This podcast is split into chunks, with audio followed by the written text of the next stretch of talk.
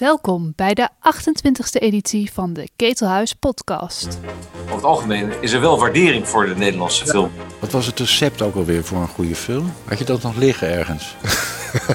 We moeten meer ons best doen om ook nieuwe makers de weg naar het filmfonds te laten vinden. Bijvoorbeeld door voor meer inclusiviteit te zorgen in de sector. Dan is een logisch gevolg dat je denkt, oh dan is er dus minder over voor mij als gevestigde, misschien wel witte mannelijke regisseur of producent. Daar past ook de gedachte bij dat je geen onderscheid maakt tussen zogeheten arthouse cinema en mainstream films. Vaak worden die hokjes gebruikt van buitenaf en zijn dan beperkend. Laten we het nou gewoon over kwaliteit eerst hebben. En hoe beter je film is, hoe beter het potentieel om je publiek te bereiken of een impact te maken. Maar daar begint het. De Ketelhuis Podcast. Ik zou er maar naar luisteren.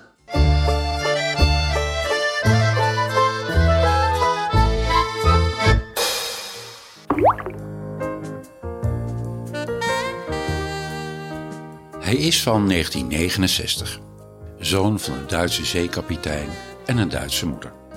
Hij groeide op in Berkel en Roderijs, studeerde aan de Willem de Koning Academie, was filmproducent, denk aan Paradise Now. Hij was speelfilmconsulent bij het Nederlands Filmfonds en vijf jaar directeur van het Internationale Filmfestival van Rotterdam.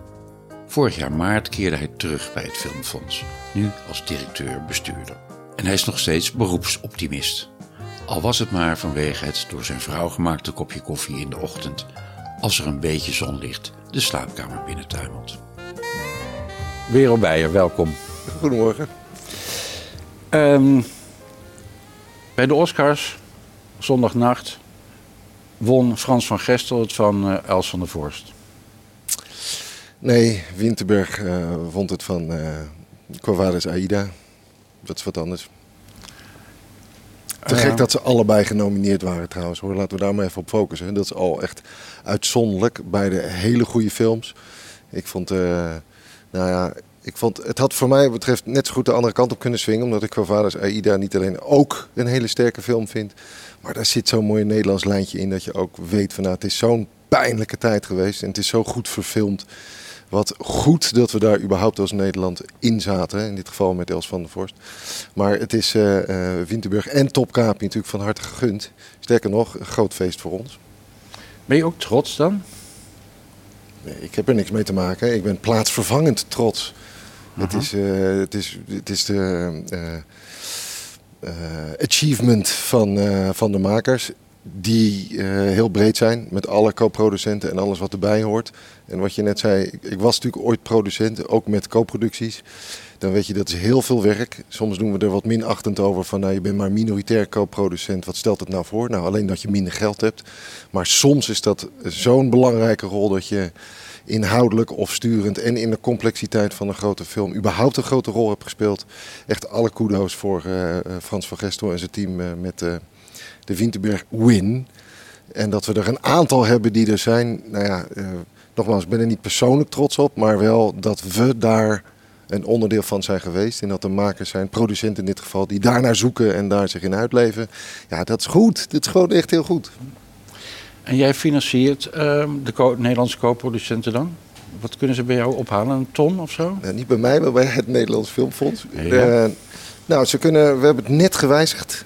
Deze vanaf 1 januari proberen we het nog net even iets steviger te doen om de projecten waar je minoritair mee kunt doen, net even iets groter ook te kunnen laten zijn. Dus je kan nu een kwart miljoen ophalen aan selectieve minoritaire steun. En dat was... Exclusief incentive, exclusief wat je nog bij kan Ja. halen. En dat was een ton? Dat was twee ton. Was twee ton. Maar we kijken natuurlijk naar de verhouding van het projectenbudget en wat men daarvoor aan Nederlands aandeel in kan besteden. Hoe groot is de rol van het Nederlandse producentschap daarin? Welke crew doen er mee? Hoe is de creatieve verhouding? Waar geef je het dan uit? Dus soms doen we ook minder. Maar um, kijk, in het verleden konden we alleen maar films doen die als co-productie onder de 2 miljoen waren, zeg maar. Want je moet wel minimaal een bepaald percentage aandeel hebben, wil je überhaupt kunnen kwalificeren. En het is natuurlijk heel prettig als dat impactvollere producties kunnen zijn. Met nog meer vooruitstrevende regisseurs. Met nog complexere of grotere samenwerkingsverbanden. Want dan krijg je ook die kwaliteitsimpuls van die connecties voor de Nederlandse film zelf. Feit dat, dat het de gewoonste zaak van de wereld is voor Top Capio om met Winterberg te werken, is goed. dat ze Girl deden een tijdje geleden. En nu de volgende Lucas Dont ook weer willen doen, bijvoorbeeld. Dat is goed. Dan zit je op een niveau te spelen van artisticiteit en internationaal kwaliteitscinema speelveld, inclusief die partijen die erbij zitten. Ja, dat is de reden waarom we minoritair überhaupt doen. Zodat het goed is voor de Nederlandse film om zich daaraan überhaupt te kunnen spiegelen. En als uh, de, laten we zeggen, de Erik Wiebessen van ons land uh, zegt van waar blijft dan de Nederlandse filmcultuur? Waarom moet er zoveel geld naar co-producties? Ik eh, ben even advocaat van de duivel, hè? Wil je de Nederlandse cinema op het niveau houden dan wel krijgen waar internationaal naar gekeken wordt, dan moet je die stap zetten. En door alle ontwikkelingen weet jij, weet ik, weet iedereen in Nederland die kwaliteit herkennen, want die is overal, ofwel in de bioscopen, maar ook op andere schermen. Dan wil je dat je Nederlandse film minstens net zo goed is. Uitdagend, ambitieus, eh, misschien wel controversieel, artistiek als uh, wat je om je heen ziet. Om dat te kunnen bereiken heb je dat omveld nodig heb je die contacten nodig. Ook met hoge salesagenten, ook met andere fondsen uit het buitenland. Um, en daar is dit het geëigende middel voor. En ik denk dat die, uh, dat die waarde van zo'n co-productie uh, enorm is daarin. Want dan pas weet je ook echt, oh, zijn dit de films die in kan draaien? Oh, zijn dit de films die genomineerd worden? Wat moet je daarvoor doen om daar te komen? Dan is zo'n internationaal speelveld cruciaal. Want de volgende dag sta je met je Nederlands film met diezelfde partners te praten. En te zeggen, hé, hey, we hebben dit Nederlands idee. Dat is net zo goed als de rest, misschien nog wel beter. Doe bij ons mee. Dan moet je die connectie van tevoren al gehad hebben. Dus ik ben een heel groot gelover in de kwaliteitsimpuls en kwaliteitsverbetering door minoritaire co-producties. Ik blijf even bij die Erik Wiebessen. Want die hebben, die, die, hebben over het algemeen meer, voor, voor het, uh, uh, uh, meer in de melk te brokkelen dan zegt de Ingrid van Engelshovens van deze wereld. Hè? Jouw um, woorden, niet de mijne. Sorry? Jouw woorden, niet de mijne. Ja, maar goed. Kunst en cultuur staat hier niet bovenaan de politieke prioriteitenlijstjes. Dat zijn ook weer mijn woorden. Heeft het Filmfonds daar last van? Mm, goeie vraag. Ik denk dat het uh, lastig is daar een goed antwoord op te geven, omdat de mate van bevlogenheid, onder andere van, van Engelshoven de laatste tijd, om in ieder geval pogingen te doen om de cultuursector in corona uh, handen onder de schouders te, te, geven, steun te geven, vooruitzicht te geven, uh, veel belangrijker is geweest dan tekortkomingen van het algemene politieke klimaat. Met andere woorden, als je kijkt hoeveel extra middelen bijvoorbeeld wij als Filmfonds te administreren hebben om te zorgen dat de sector overeind blijft op al die verschillende punten. Al die domino-steentjes waar ik het telkens over heb, die allemaal in elkaar grijpen. Uh, dan is het voor mij moeilijk om te zeggen de politiek keert van cultuur af. Ik denk dat dat heus wel eens meevalt. Nog afgezien van het feit, wat misschien wel veel belangrijker is, dat als je de juiste brug weet te maken tussen cultuur en wat dat commercieel, economisch of qua sociaal-maatschappelijk welzijn betekent, je er een vele mate grotere waarde aan kunt toekennen. Want een avondje bioscoop of een avondje uh, museum voor mijn part, of een avondje theater, een dagmuseum, uh, geeft zoveel toegevoegde waarde aan een maatschappij. Ook in economische zin, ook in welbevinden dat ik denk men net even iets meer, misschien zelfs wat door corona weet, daar ligt een groot goed beschuild. Daar zit een grote waarde die verder gaat dan alleen maar is het een mooi kunstwerk of niet. Zonder uh, de intrinsieke waarde te verwaarlozen, neem ik aan. Dat is allemaal bovenop de intrinsieke waarde van kunst. God, dat is een berg, hè? Ja, maar dat is ook zo. Ik bedoel, wat, een goede film kijken, dat doet een hoop met je. Of je nou druk kijkt, of Another Round, of je kijkt voor Vaders Aida. Je hebt een heerlijke avond kunst. Je hebt een heerlijke avond politiek. Je hebt uh, anderhalf à twee uur discussie. Je hebt iets om met je vrienden over te praten. Je hebt iets om met je vijanden over te praten. En uh, uh, de, de, blik op de wereld is net even verruimd, waar die toch in deze tijden beperkt is tot je slaap tot woonkamer. Je hebt burgemeesters in oorlogstijd en je hebt filmfondsdirecteuren in coronatijd. um, waarmee niks over jou gezegd wil zijn. Ja. Uh, je hebt wel geteld uh, vorig jaar maart acht normale werkdagen meegemaakt. Daarna mm. brak uh, de pandemie los. Jullie hebben in snel tempo een aantal coronamaatregelen genomen. Jullie hebben compensatieregelingen getroffen voor door corona getroffen filmproducties. Ehm, producties die liepen en die niet meer goed verzekerd konden worden, hebben jullie ook een garantiefonds voor opgezet.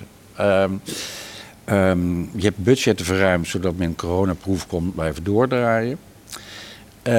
los daarvan waren er twee specifieke regelingen. Film Fast Forward.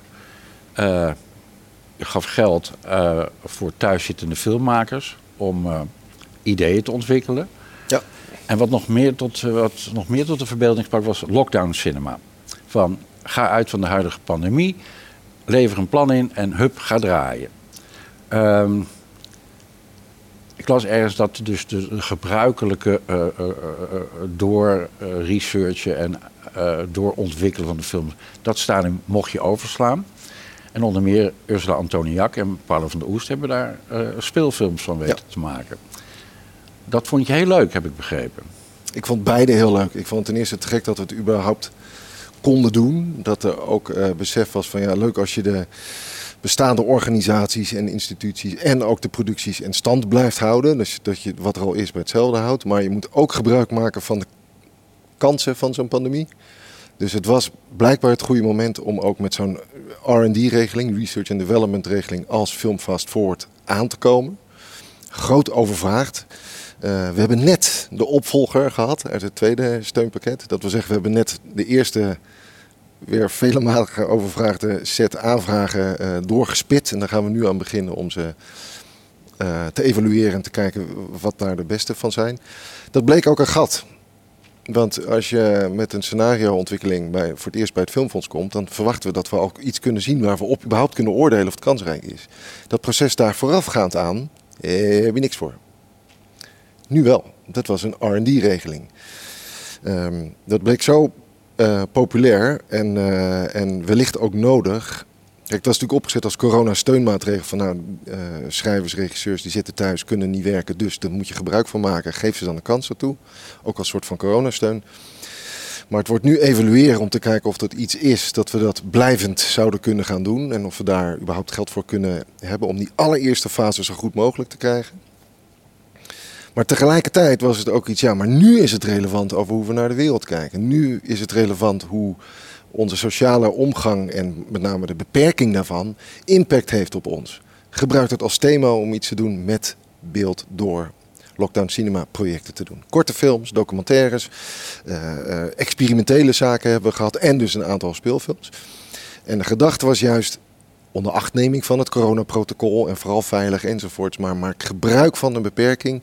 Doe iets wat je nog dit jaar af kunt ronden en kunt produceren. Hoppakee, maak het. Um, wat inderdaad het tegenovergestelde is van wat we meestal zeggen. Heb je het goed genoeg uitgewerkt? Is het, heb je de essentie te pakken? Heb je het goed geresearched? Weet je hoe je het kan doen? Het is zo'n grote exercitie om een een film te maken. Heb je zoveel mogelijk voorbereid? Beter langer en goed dan overhaast. Maar in dit geval was het, nou, pompen, hop, go. Go, maak iets. Uh, gebruik die, die snelle actuele energie die je er ook uit kunt krijgen. Of wat je nu speelt. En ook daar hebben we nu een vervolg aangegeven. Maar die wilden we net iets anders insteken. Waar we lockdown cinema echt hadden op nou, wat de beperking oplevert en hoe zich dat cinematografisch laat vertalen. Uh, wilden we nu eigenlijk, we waren bijna te optimistisch. Want we dachten, we hadden bijna een soort thematiek van, nou ja, stel dat we in de zomer weer vrij zijn of weer wat zouden kunnen doen. Ik herhaal te optimistisch. Dus moet het een soort Summer of Love thema worden of iets wat de vreugdelijkheid heeft. Dachten, nou, als we het insteken via muzikaliteit, Music Mayday, uh, dan heb je een thematisch ding, maar interpreteer het vooral zo ruim mogelijk als je zelf wilt. Want muzikaliteit zit hem al alleen in de tijd die je hebt als film. Hoe maak je gebruik van de tijd of van de stiltes? Uh, maar kan ook direct aan muziek gekoppeld zijn om iets van het levendige weer te hebben. Van we leven, we gaan door, de hartslag, de muzikaliteit. Met diezelfde insteek. Zorg iets wat je snel kunt produceren, wat je snel kunt maken. Met gebruikmaking van al die protocollen, maar ook iets wat uh, de levendigheid van cinema onderstreept. En natuurlijk is dat leuk. Natuurlijk is het leuk om iets te hebben dat je weet, we zitten in de ergste historische tijd van weet ik veel hoe lang. Uh, we kijken allemaal de godganse dag naar schermpjes. Gebruik daar dan iets mee wat zinnig is, wat menselijkheid raakt. En nu de muzikaliteit. Ja, dat zijn leuke calls om uit te kunnen schrijven. Ja, je, je noemt het nu leuk. Ik heb, het wel, ik heb jou wel eens horen zeggen dat het extreem leuk was. ja, uh, ja. Uh, er is niks zo magisch, Alex, als van een idee naar cinema komen. Bedoel, als iemand met een plannetje komt, net zoals ik ooit vroeger, ik heb een idee voor een film en een paar maanden of een paar jaar later is dat ding daar. Dat is magisch. En als je dan iets hebt waar je daar dat een impuls mee kunt geven, juist in deze tijden, ja, dan is dat natuurlijk extreem leuk. Met die kanttekening, daarom heb ik het woord misschien niet gebruikt. Um, dat heb ik ook telkens geprobeerd uh, met ons communicatieteam om duidelijk naar voren te brengen. Ja, het is fijn als we iets kunnen doen voor de sector. Ja, het is fijn als er wat geld beschikbaar komt om dat soort initiatieven te kunnen ondersteunen. Maar dat neemt niet weg dat we in een historische, tragische situatie zitten. Dat er heel veel slachtoffers zijn gevallen. Dat het extreem heftig is voor onze zorg, voor onze horeca, voor ons welzijn, voor onze jeugd. Die uh, al, al die tijd ook niet meer in de bioscoop is geweest. Wie weet wat dat op lange termijn nog betekent. Hoe mensen de weg terugvindt naar bijvoorbeeld het ketelhuis of elders. Wat betekent dat dan nog? Hoe gaan we met elkaar om? Uh, uh, de tragiek en de heftigheid van wat uh, raciale ongelijkheid blijvend met zich meebrengt. Het besef van institutioneel racisme, het besef van de noodzaak daar wat aan te doen, het besef van de noodzaak tot vernieuwing. Dat zijn zaken die zijn, als je ze goed kunt ompakken, in principe ook extreem leuk. Maar ze komen natuurlijk voort uit iets wat extreem tragisch is. Ja. Terug naar die lockdown cinema. Ik zou zeggen, ook na corona, doorgaan met dat soort projecten. Niet al die uitontwikkelde projecten uh, ter hand nemen. Is dat een idee? Nou, dat is, uh, ik ben blij dat je dat vraagt of zegt. Want dat is één punt, daar maak ik me wel zorgen over. De, dat is de wat langere termijn. Want uh, als je kijkt naar hoeveel we jaarlijks regulier kunnen besteden. Want het reguliere subsidieproces ging ook gewoon door. Hè? En hoeveel meer we hebben kunnen doen in 2020 en vooruitzichtelijk ook in 2021. Uh, maar stel dat het geen corona meer is, dan is in 22 de kas extreem leeg. En dan is er geen reden voor de overheid om ons meer geld te geven om aan de sector mee te geven. Zitten intussen met het verwachtingspatroon alsof we elk jaar weer een R&D-regeling à la Film Fast Forward kunnen doen. Of een vorm van lockdown cinema. Of een andere steun voor weet ik veel, filmtheaters of heruitbreng of grotere P&E-ondersteuning of wat dan ook. En dat is er niet. Er komt natuurlijk vroeg of laat heus een moment waarop iemand zegt: Hallo, iemand moet het nog betalen.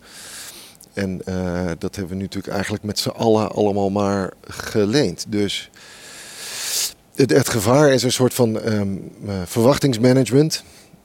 Dat uh, de verruimde middelen die we nu hebben als fonds te gek zijn om in ieder geval een deel van de pijn weg te nemen. Maar dat we dat structureel kunnen maken, nou, dit wordt extreem moeilijk. Nee, maar goed, je hebt jaarlijks ongeveer 62 miljoen uh, euro te verdelen. Um, of te verdelen, daar moet je de tent draaien van houden.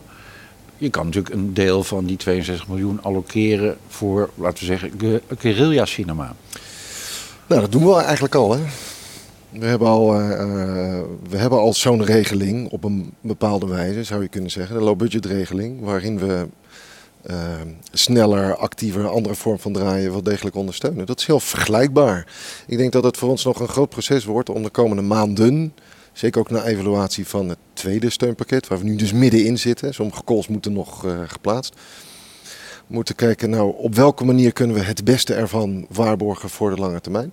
En daar komen een aantal dingen bij elkaar hoor. Daar komen dingen bij elkaar als snel, low budget, uh, wel met fair practice code graag iets produceren versus zeg maar mid to high ambition budgetten of grotere zaken. Er is straks geen telescoop meer. Dus hoe gaan we dat gat opvullen dan? Hoe zorgen we dat dat er komt? We willen breder ontwikkelen, we willen ook inclusiever ontwikkelen, meer de deur openzetten. Maar met gelijk budget betekent dat dat je op een gegeven moment dus nog scherper moet kiezen voordat iets in productie gaat. Als je echt een half miljoen of nog meer gaat stoppen in een film, 57. Dus dan krijg je. Uh, alles kan, Alex. Maar het zijn wel keuzes die linksom of rechtsom altijd pijn gaan doen. Een van de weinige dingen die je hebt kunnen doen in deze coronatijd, weinige dingen. Je hebt het, uh, de oude loketten voor enerzijds gevestigd talent en aanstormend talent. Die loket, uh, loket heb je opgeheven en samengevoegd tot één loket. Dus laten we zeggen, jong en oud klopt bij dezelfde voordeur aan. Ja. Wat was het idee daarachter? Nou, ehm, de logica vond ik een aantal jaar geleden volstrekt begrijpelijk dat één segment eigenlijk ondergerepresenteerd werd en aparte aansturing nodig had. Newscreen.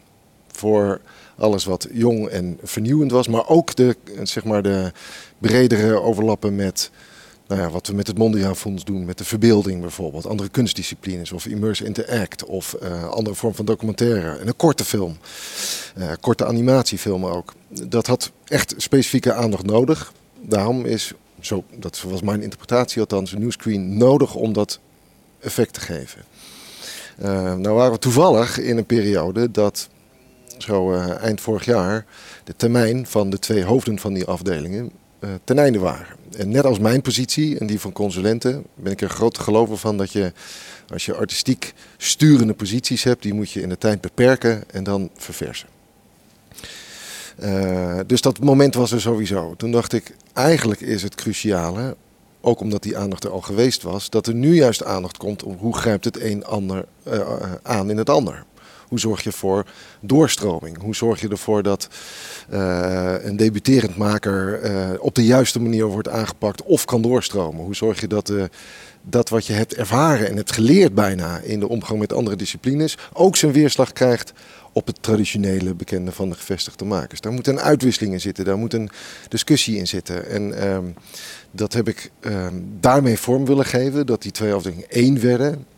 Alles wat we selectief doen zit nu in één wordt nu door één team bestuurd. En dat we dat tegelijkertijd hebben gedaan met een uitbreiding van het aantal consulenten. En daar blijvend proberen te zien dat we de juiste verdeling hebben tussen niet alleen de specialismes die men heeft, tussen bijvoorbeeld documentaire of animatie. Maar ook in de verdeling tussen jong-oud, verschillende achtergronden, andere expertises. Zodat je dat veld ook in de breedte aan kunt. Maar vooral dat je minder in uh, hokjes hoeft te denken. Het is niet.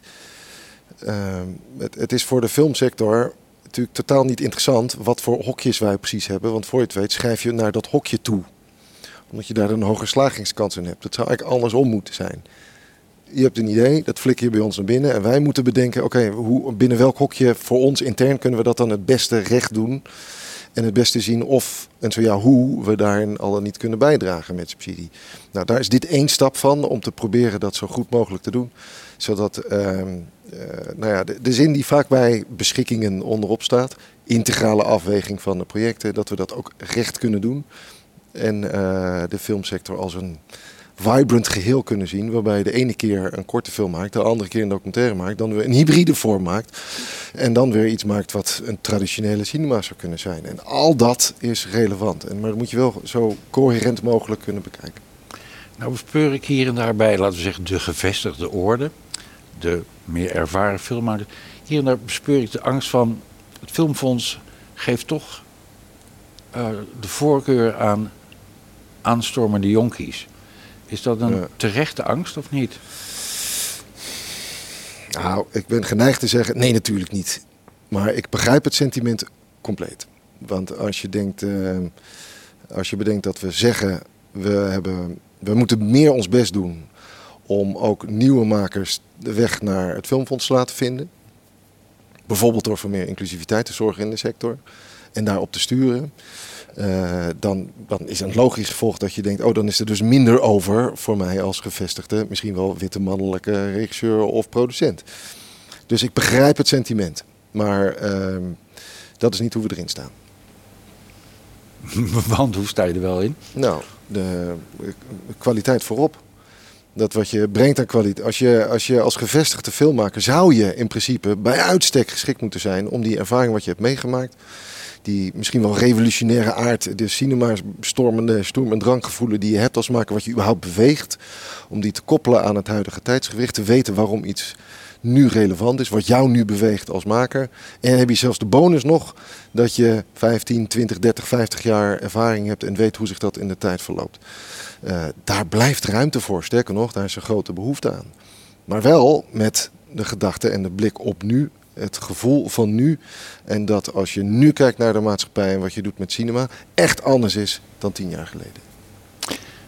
Daar past ook de gedachte bij dat je geen onderscheid maakt tussen zogeheten arthouse cinema en mainstream films? Ik vind de hokjes die we noodgedwongen gebruiken om te spreken van een artistieke, soms zelfs kwetsbare film versus een crossover versus een mainstream film vaak beperkende hokjes.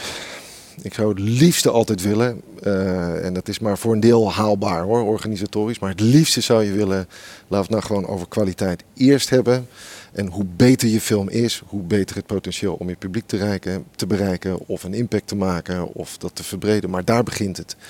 En vaak worden die hokjes gebruikt van buitenaf en zijn dan beperkend. Heb je wat ik bedoel? Dus dat je zegt, ik ga een artistiek film maken, dus ik hoef maar 5000 bezoekers en dat is prima toch? Nou, ho, zullen we het even omdraaien en dan kijken wat je eigenlijk wil doen? En uh, ik hoop dat wat ik hiervoor meende te herkennen, misschien te optimistisch hoor, dat er een besef is van artistieke, traditioneel artistieke filmmakers om te weten, ja, maar voor wie heb ik dat eigenlijk? Met wie praat ik eigenlijk? Wie kijkt daar eigenlijk naar mijn films? Wat betekent dat? In mijn, hoe ver kan ik daar ook mee gaan in mijn artisticiteit aan de ene kant? Versus uh, traditionele publieksfilmmakers die zich realiseren, ja, maar hoe beter die is, omdat mensen die kwaliteit herkennen, hoe meer kans om dat te vergroten samen naar één weg komen die uh, cinema-kwaliteit heet. Ik ben niet alleen optimistisch, ik ben ook een beetje naïef, zoals je hoort. Maar je moet het proberen om dat aan te zwingen. Dus wij zijn, ik vind het een te gekke beweging dat er heel veel filmmakers zijn die, uh, die misschien wel vroeger in het hokje mainstream of publieksfilm zaten. En dus minder selectief gesteund worden van het Filmfonds. Ze realiseren dat ze met, alleen al door met ons feedback te hebben.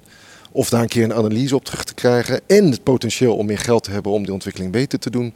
Dat willen omarmen. Zeggen ja, maar als ik een betere film maak, kan ik meer nou ja, geld verdienen van mijn part. Fine, come on in, let's talk. Je had het al over uh, consulenten. Je hebt er een, eh, een blikje opengetrokken. Een stuk of vier, vijf nieuw aangesteld voor een periode van... Ik wou dat ze zo uit de supermarkt te halen waren hoor. We hebben er echt goed naar gezocht en heel veel mensen gesproken. Daar vertrouw ik op. In principe zijn ze aangesteld voor een jaar of vijf. Ja. Dat eeuwige hardnekkige probleem. Je bespreekt een project met een consulent. Die zegt nou, uh, dat zou je moeten verbeteren. Volgende keer dat je terugkomt zit een andere consulent... die het niet eens is met het oordeel van die eerste consulent. Hoe los je dat probleem op? Nou, ten eerste door te weten dat dat natuurlijk uh, dat daarbij het systeem niet uitmaakt. Want als je de, zeg maar, de tegenhanger van het consulentensysteem is een commissiesysteem. Commissies zijn ook wisselende commissies, is ook een ander verhaal. Dus daar heb je net zo veranderende inzichten omtrent de status van een project als met een consulent. Ten tweede, dus dat maakt eigenlijk niet uit. Ten tweede um, kijkt een consulent uh, altijd mede wat was het historisch traject van, van dat, van dat uh, project in kwestie, van die aanvraag. Hoe is het bekeken door anderen? Alleen maar om, zijn, om de geest scherp te hebben en te weten het klopt wel of het klopt niet. Of dit is wat ik er op dit moment van vind. Uh, en dat vind ik prima. En als het dan op een gegeven moment gaat eh, schuren of wrijven, dan denk ik ja, maar dat zou het, laten we zeggen, in de echte wereld, als de film er is, precies zo. Dan, uh, het wordt vaak gezien als iets begrijp ik ook wel als iets lastigs voor bijvoorbeeld aanvragers. Met name voor aanvragers, producenten. Van nou, ik heb eerst deze consulent gehad en die vond X. En ik heb nu eh, de volgende consulent en die vindt Y. Ja, hallo, uh, hoe moet ik nou eens doorgaan? Wat betekent dat? Denk, ja, wees blij dat je twee verschillende inzichten hebt. Doe daar je voordeel mee. Als de film er ooit zou komen of er ooit is, dan heb je een exponentieel groter aantal mensen die allemaal wat te, te zeiken hebben. Ja, in film, dus wacht. maak dat je eigen. Ja, maar wacht eens even. Maar, maar wacht. Dus de, de, het punt wat belangrijk is, dat er wel degelijk gekeken wordt naar een vorm van consistente beoordeling. Waarbij je altijd het specifieke moment als uitgangspunt hebt. Als jij nu een aanvraag doet met jouw film bij consulent X, dan heeft hij op dat moment daar een, een, een, een mening en analyse over. Die nemen we mee, die komt op mijn bureau en daar gaan we dan mee. Uh, en uh, het is nooit gezegd dat met eenzelfde consulent die eerder had op dat moment met datzelfde project niet een vergelijkbare uitkomst zou zijn. Ja, dat is allemaal leuk en aardig. Maar op dit moment, met deze aanvraag, op dit punt, ga ik wel of niet mee. Misschien uh, stel je het te optimistisch voor. Je hebt een project. Consulent X zegt, nou, dat moet in ieder geval totaal anders. Want anders beginnen we er niet aan. Hij zegt het iets, hij of zij zegt het dan iets vriendelijker. Twee jaar later, consulent I zegt, ja, de richting die je nou bent uitgegaan, dat is totaal. eh, eh, ehm, dat is niet relevant voor dit moment. Eh, probeer het in die richting. En dan zegt die producent of die aanvrager: ja, dat moest ik juist van X veranderen. Heel, Ja, maar twee dingen, dit, dit soort dingen komen voor natuurlijk. Tuurlijk, en voor een deel. Nou, laat, ik, laat ik je zover met je meegaan. Natuurlijk zijn er momenten in zo'n overdrachtssituatie waarbij het lastig is of aanpassen is. Dat begrijp ik. Eh, voor- voor een deel kunnen we dat niet beter doen dan wat het is. Dat hoort ook voor een deel bij dat gekozen systeem, waarvan wat mij betreft de voordelen veruit de, de nadelen overwegen. Eh, ten tweede is toch even belangrijk, want het is niet de rol van de filmconsulent om te zeggen: je moet dat doen of je moet zus doen. Dat doet een studio executive. Ze zeggen: hier is een mogelijkheid tot een probleem, dit begrijp ik niet. Of hier zit een uitdaging voor je. je eh, dus aan jullie hoe je dat wil oplossen. En eh, zeg maar aangewezen knelpunten uit vorige beschikkingen worden altijd weer aangehaald door de volgende consulent om te weten hoe ging je om met deze problematiek, hoe met deze problematiek. Het zou, en dat is best een fragiele keus, of een fragiel samenspel, dat de consulenten zo min mogelijk sturend zijn in je moet door deze hoepel springen, dan ben je binnen, of door deze hoepel springen. Maar ze constateren uitdagingen, kansen of bedreigingen voor een project. En eh, eh, het grote voordeel ervan is dat ze dat heel scherp kunnen doen.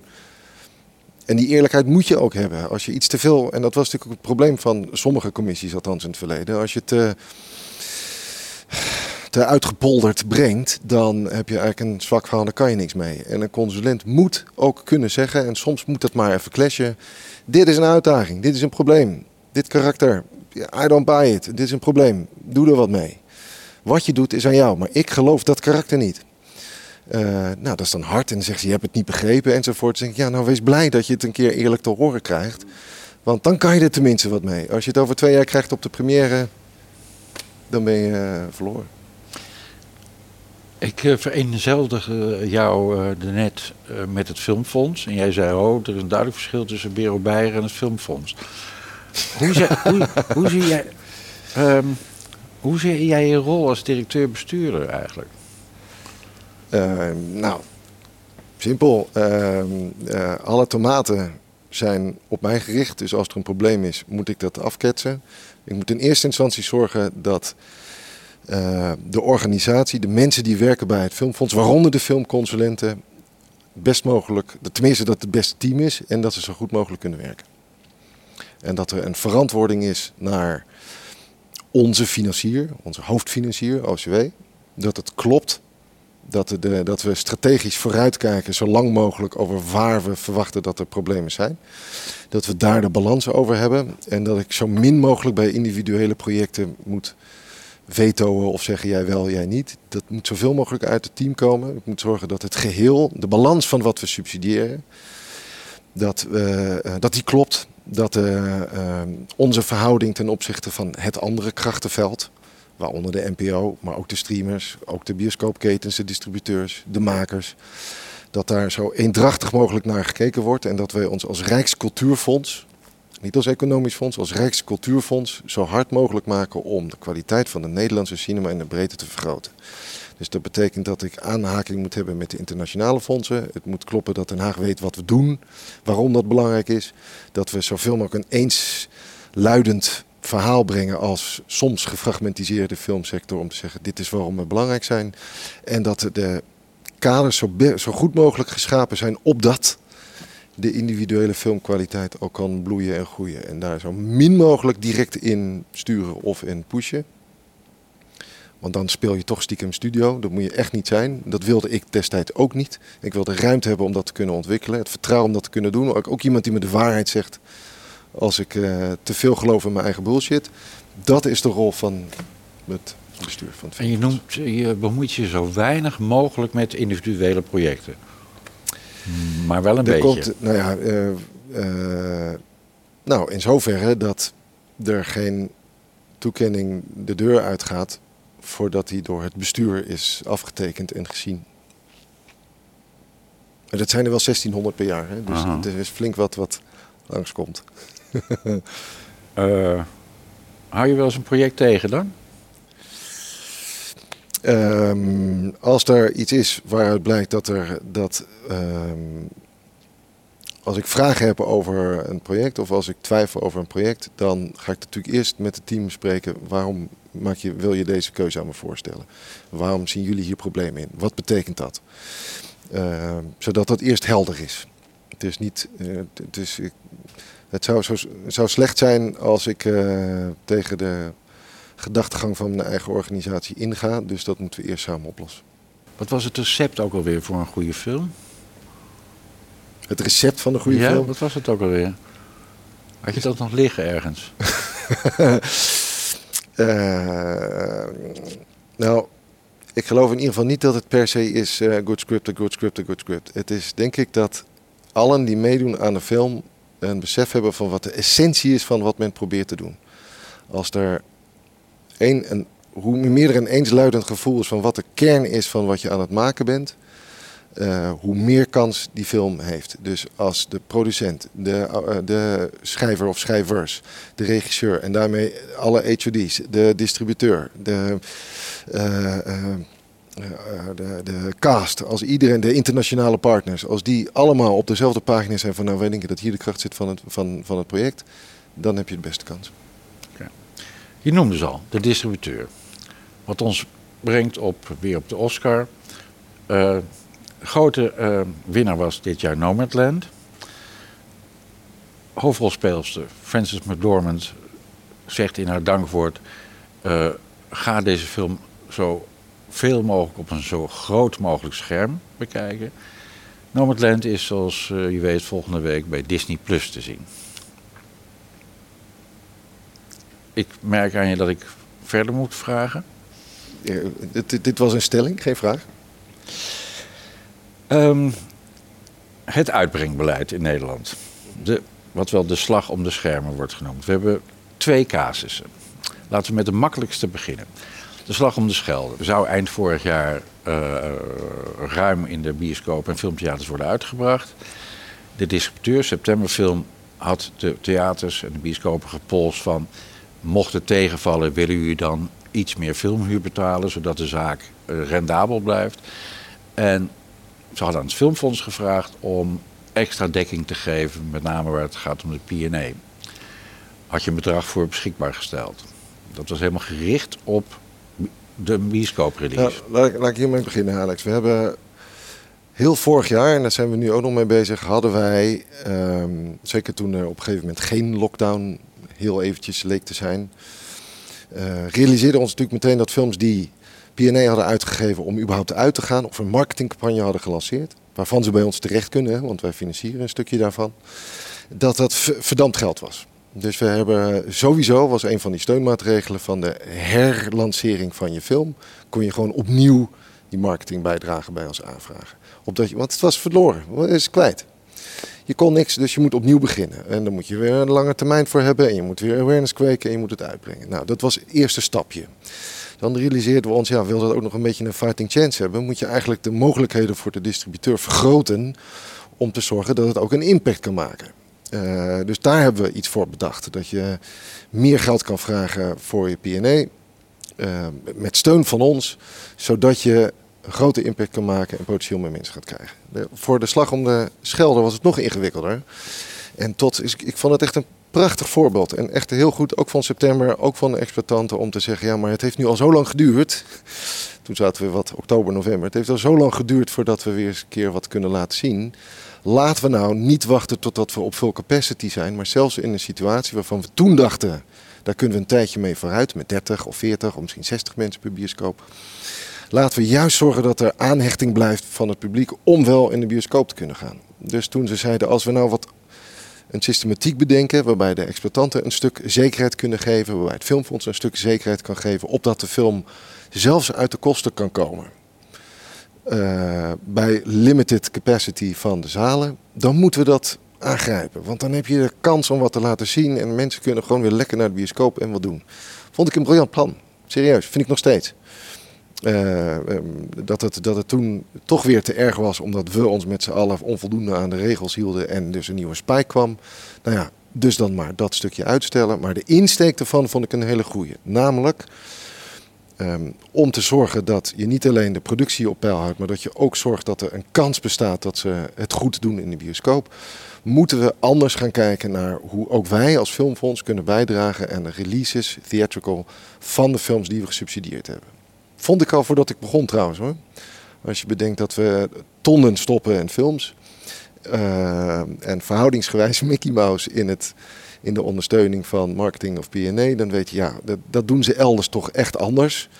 Je moet zorgen dat het ook een kans maakt om gezien te worden. Dat wordt alleen maar erger. Dus de, en dat haakt natuurlijk in met het verhaal rond uh, de opgespaarde films die allemaal niet in de bioscoop zijn geweest. Distributeurs die met allemaal titels zitten en maar god niet weten hoe ze ze een keer kunnen plaatsen zonder te moeten vechten met elkaar. Uh, en dan is vanuit onze, uh, ons perspectief de eerste zaak.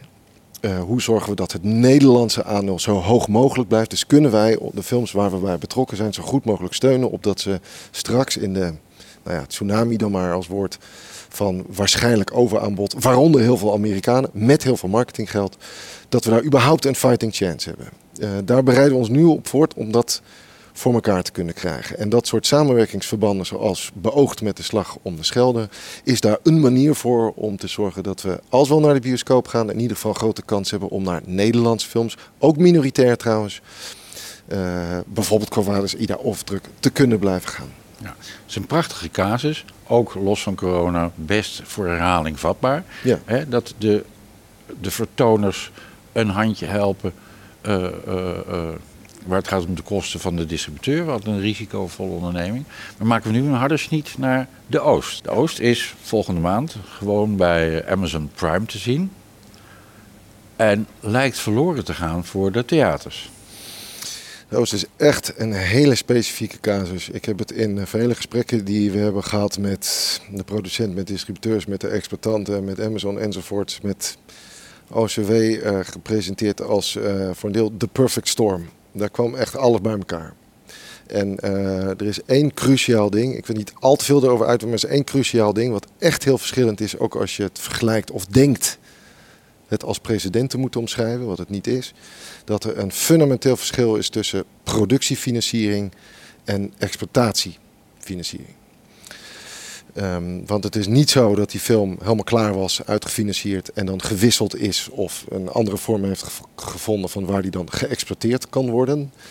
Um, die film had echt, het was, heeft heel veel tegenslag gehad op een wijze die uh, niet zo heel gek is gezien het ambitieniveau en de eigenzinnigheid van de film zelf. Waar wij totaal voor zijn.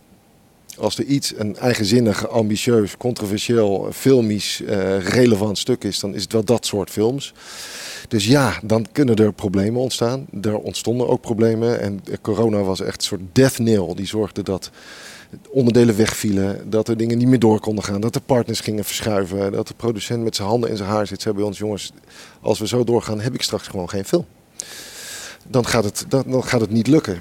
Uh, tenzij er een mogelijkheid bestaat om een vorm te vinden in een nieuwe soort samenwerking met deze streamer. Die grote interesse heeft om wat te doen met deze titel. Dus lapte Amazon gewoon een miljoen euro? Dus uh, de, de, kwam Amazon aan boord in, op een substantiële wijze die zorgde dat de film überhaupt af kon worden gemaakt conform het ambitieniveau van de makers.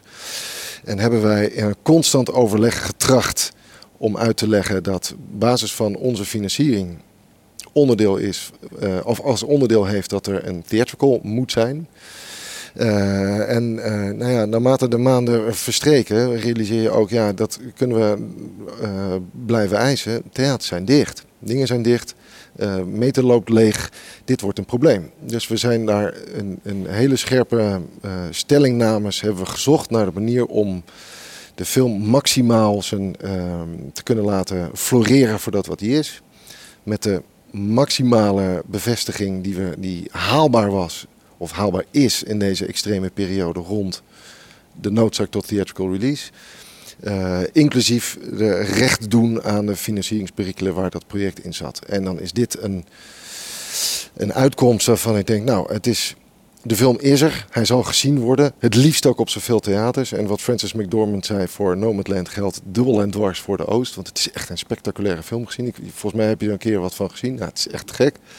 Uh, dus ik hoop dat dat werkt. En uh, is het daarmee een precedent voor de toekomst? Totaal niet. Maar het belangrijkste is te weten dat de aard van de financiering van de productie zelf onderdeel was van de problematiek. En dat is echt wat anders dan mijn film is klaar.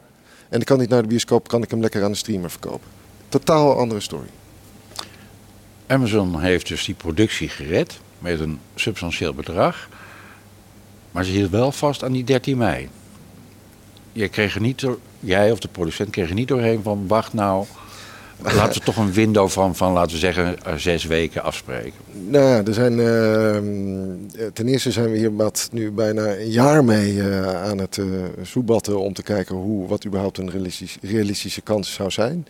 En wij hebben inderdaad een tijd geleden in de laatste bespreking tegen ze gezegd, vanuit onze kant is het gezien de extreme aard van waar we nu in zitten en de verschillende prioriteiten van ons versus die van deze co-financier, dat we zeiden als we nou het hierop doen, dan is het vanaf dat moment uh, ga je gang, pak hem op. Hij moet nog steeds theatrical, liefst zo breed mogelijk, liefst op hetzelfde moment. Uh, meer kunnen we daar echt niet aan doen. En die, dat streven om recht te doen aan een film die er anders niet was geweest, ehm, verdedig ik daar sta ik helemaal voor. En ik vind het belangrijk om te weten dat dit een hele bijzondere film is die door zijn aard anders zo niet geweest was. Nou, je kent de klachten van de bioscopen, met name de grote concerns. Die zeggen, ja, we kunnen binnenkort weer open. Uh, we hebben commercieel belang bij het vertonen van uh, de Oost. Er zit enorm veel overheidsgeld in. En dan wordt het, dat zijn niet mijn woorden, verkwanseld aan Amazon die die film alleen maar gebruikt om uh, een marktpositie te verbeteren. Ik ben weer advocaat van de duivel. Dat, dat, ja, dat snap ik compleet, Alex. En eh, weet je, laat ik ermee beginnen te zeggen dat het extreem zwaar is, juist voor uh, de exploitanten. Ik bedoel, hoe moet je nou een weg vormen? Hoe moet je je weer opkrabbelen van klein buurthuistheatertje tot gesubsidieerd filmtheater tot grote bioscoopketen, terwijl, de hele terwijl alles maar dicht is.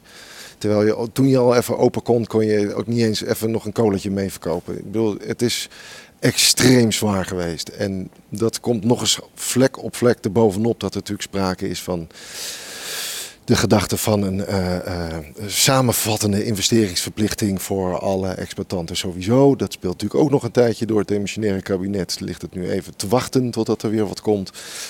Dus ik begrijp dat compleet, dat men uh, daar moeilijke problemen in zou kunnen zien. Want ze zitten in een verschrikkelijke positie. Dit is totaal zo. Dus dat we met z'n allen slim moeten nadenken over hoe we vanaf, laten we zeggen, de zomer ons echt goed bezighouden met zichtbaarheid. Met name dus voor Nederlandse producties.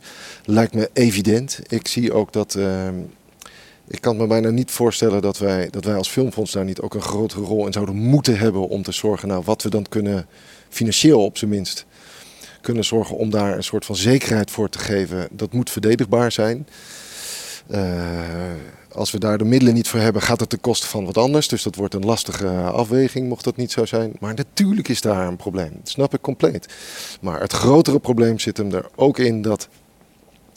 Nou ja, uh, als je zo'n crisis hebt en je hebt zulke problemen, ja, moet je dan je individuele project opofferen voor een principe? Of moet je dan eventjes helder zijn en weten, nou, dit is relevant voor nu, wat is relevant voor straks? Want het grote plaatje wordt echt nog een veel groter verhaal over hoe we in goede eendracht, samenwerking of moordende competitie met die andere exploitanten überhaupt tot een nieuw equilibrium gaan komen.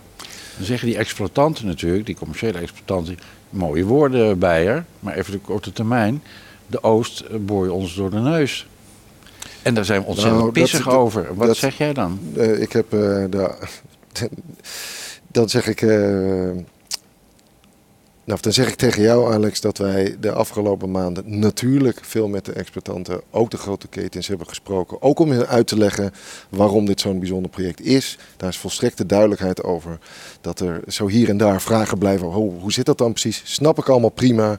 Maar uh, alle grote partijen wisten, weten heel goed hoe wij tot onze afweging zijn gekomen en hoe dit een uitzondering is en niet een precedent. Dus dat gesprek is gewoon een doorlopend gesprek. Ik weet dat je hecht aan de zichtbaarheid van de Nederlandse film de komende jaren. uh, daartoe zei je en passant, uh, in ieder geval moeten er minder dan 500 films per jaar uitgebracht worden. Hoe krijg je dat voor elkaar? Nou, laat ik, ja, weet ik veel. Laat ik daar, dat is nogal een opgave. En je moet ook niet denken dat het filmfonds de geëikte plek is om alles in de sector goed te regelen. Maar ik moet zeggen dat die conclusies die ik zag de afgelopen jaren over hoeveel films we al niet op jaarbasis überhaupt in de theaters brengen. En dan verbaasd zijn over, ja, we concurreren ze elkaar en zijn, en zijn de tijden tekort. Ja, natuurlijk. Als je er te veel in blijft pompen, dan heb je, geen, dan heb je overaanbod en dan concurreer je elkaar en dan maak je uiteindelijk steeds kleiner. Of je zet de ruimte voor een aantal van dat soort grote producties die alsmaar door blijven draaien en die hoeven niet eens van Nederlandse bodem te zijn. Dus daar moet je slimmer over nadenken. En... Uh, uh, het enige wat wij moeten doen is op juiste wijze, conform ons mandaat als filmfonds, subsidies verstrekken aan projecten waar wij een grote kans in achten. En als dat betekent dat we dat ook voor dat stukje zouden kunnen doen om daar een beetje balans in te krijgen, dan zal ik dat niet laten, Alex. Want de, de korte termijn denken en uh, snel er nog even wat inpompen omdat je er nog een paar euro's uit kan persen. En daarmee eigenlijk de zichtbaarheid van de film in het algemeen en de Nederlandse film in het bijzonder onderuit halen, is zonde. En uh, te veel films in de bioscopen persen is daar ook een probleem van. Liever iets minder en daar meer aandacht aan dan uh, te veel. Slimmer nadenken, dat heb ik genoteerd in ieder geval. Dat kan nooit kwaad, toch? Kom aan. En, maar, en dan kan je ook gesprek, en dat is het aardige natuurlijk. Hè? Ik bedoel, als je met elkaar gaat zitten, en dat gaat nu via Zoom misschien, nou, soms eigenlijk nog best wel goed. Dat je bij elkaar gaat zitten en zegt, jongens, we zien deze problemen, zien jullie die ook? Ja, natuurlijk. Wat zouden nou manieren kunnen zijn om daaruit te komen? Alles wat tot nu toe eh, redelijk gelukt is in die coronatijd, kwam ook omdat we op dat moment meteen gingen zitten, bijvoorbeeld met die verzekeringen. Oké, dit is dus een uitdaging. Dus hier moeten we over gaan praten. Hoe, wat is nou de snelst werkende beste oplossing om dit voor elkaar te krijgen? Nou, dan zet je mensen bij elkaar en dan ga je zeggen hoe zit dat dan? En dan kom je eigenlijk snel op hetzelfde uit. Er is meer dat ons bindt dan ons verdeelt. Wil je nog iets eh, rechtstreeks tot de Nederlandse filmgemeenschap zeggen? uh, kom, nou, ik, ik, zou bijna zeggen, kom langs bij het Filmfonds. Maar weet ons te vinden. We hebben echt een leuk team. We hebben veel mensen. Nou, dat heb ik ook bij die sectorpresentatie geprobeerd te doen. Het gaat, en dat is ook waarom ik zeg, niet Bero doet dat. Het fonds. Dat zijn al die mensen die er werken. Dat zijn al die mensen die meedenken. Dat zijn allemaal goede mensen. Uh, hou dat gesprek gaande, zet ons niet op afstand, ga het gesprek aan. En uh, als, we, uh, als we het echt goed doen, dan kunnen we de gesprekken ook open hebben. Misschien wel zoals nu. Dat je ook dingen kunt zeggen die de ander helemaal niet prettig vindt. Dat je zelfs ruzie kunt hebben over iets. Maar je weet dat je het allemaal met een hart voor cinema doet. En dan is dat de beste vriend. Hartelijk dank voor de komst naar dit nog steeds verlaten ketelhuisbureau. Dankjewel.